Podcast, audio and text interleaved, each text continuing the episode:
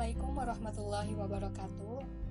Saya Naila Ihsan Masfufah dari jurusan Bimbingan dan Konseling Islam kelas 6C. Pada kesempatan ini, saya akan mempresentasikan buku hasil bacaan saya yang berjudul Menjadi Pemuda Bermartabat, Kunci Rahasia Menjadi Pemuda Sukses. Buku ini ditulis oleh Bapak Dudi Imanuddin, Bapak Rohmani, dan Bapak Fahmi. Adapun subjudul yang akan disampaikan yang pertama, berani bermimpi dan cepat bertindak. Yang kedua, andalkan diri sendiri.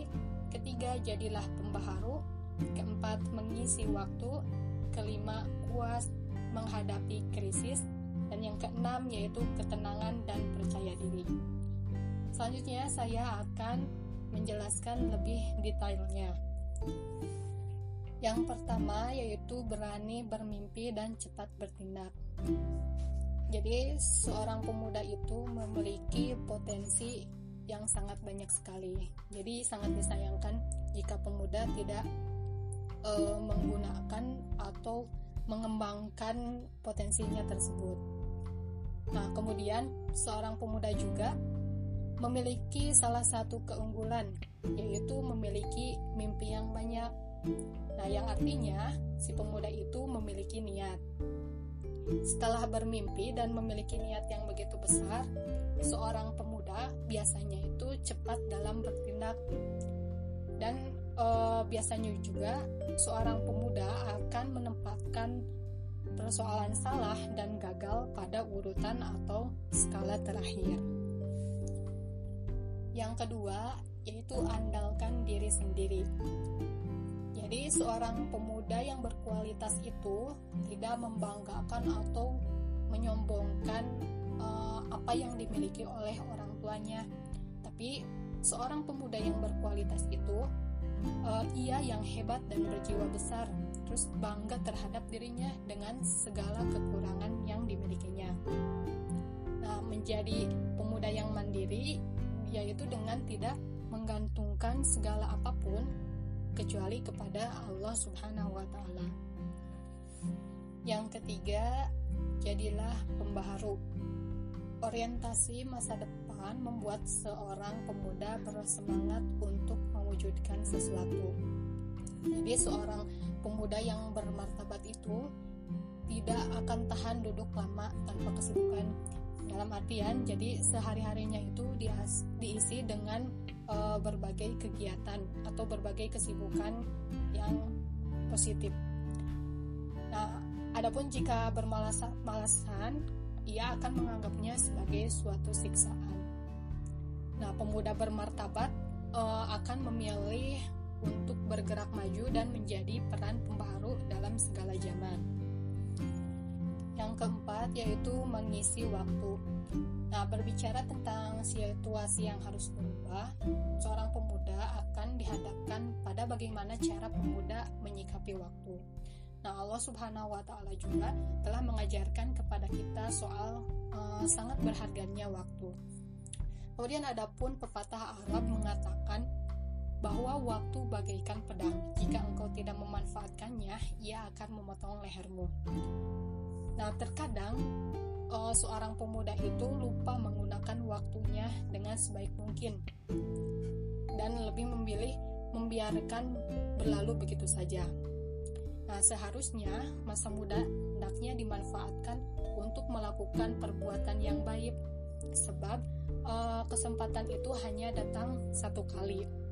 Di mana masa muda juga tenaganya masih segar, kemudian semangatnya juga masih menyala, masih berkobar untuk uh, mengejar uh, segala impiannya.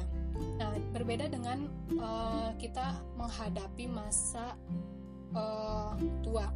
Kesempatan itu tidak banyak diharapkan lagi karena sejalan dengan bertambahnya umur, kemudian kesehatan semakin menurun dan juga semangat hidup juga akan melemah. Nah, selagi masih menunjukkan ketegaran di kala usia muda, uh, kesempatan menunaikan kewajiban membela agama Allah hendaklah dimanfaatkan sebaik-baiknya. Yang kelima yaitu kuat menghadapi krisis.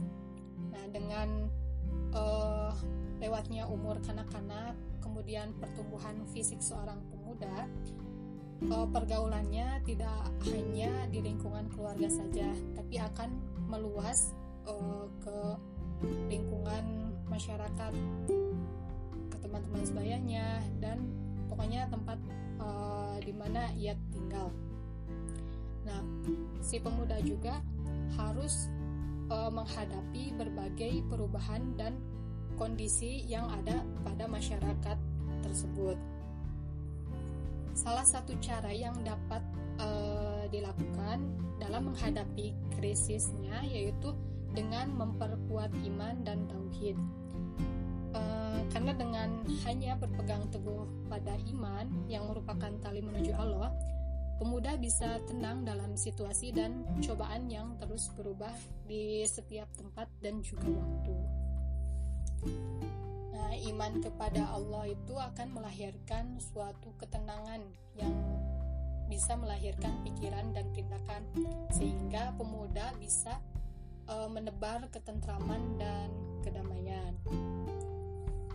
Yang terakhir yaitu ketenangan dan percaya diri.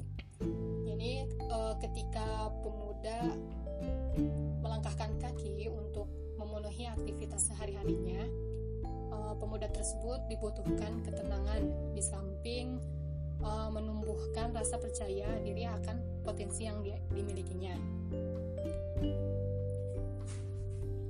Dengan keberadaan diri yang tenang, kemudian ditopang juga dengan rasa percaya diri, maka akan memudahkan dan memuluskan dalam mengambil keputusan dan langkah-langkah berikutnya. Kemudian mengenai percaya diri, nah percaya diri ini uh, akan tumbuh dari diri sendiri, tidak uh, dari orang lain. Orang lain hanya membantu pemuda itu sendiri. Jadi keberhasilan untuk meraih uh, percaya diri itu ya tergantung bagaimana uh, diri pemuda itu sendiri. Jadi jika se seorang pemuda tidak percaya diri sejak awalnya, ya bagaimana orang lain mau percaya terhadap dirinya.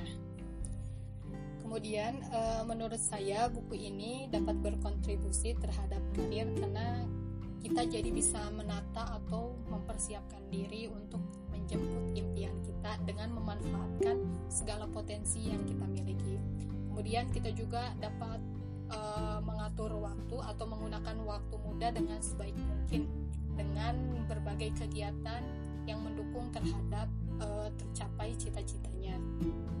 Selain itu, buku ini juga menginspirasi bagi para generasi muda yang ingin bermartabat tidak hanya di dunia tetapi juga di akhirat. Mungkin ini saja yang dapat saya sampaikan. Kurang lebihnya mohon dimaafkan.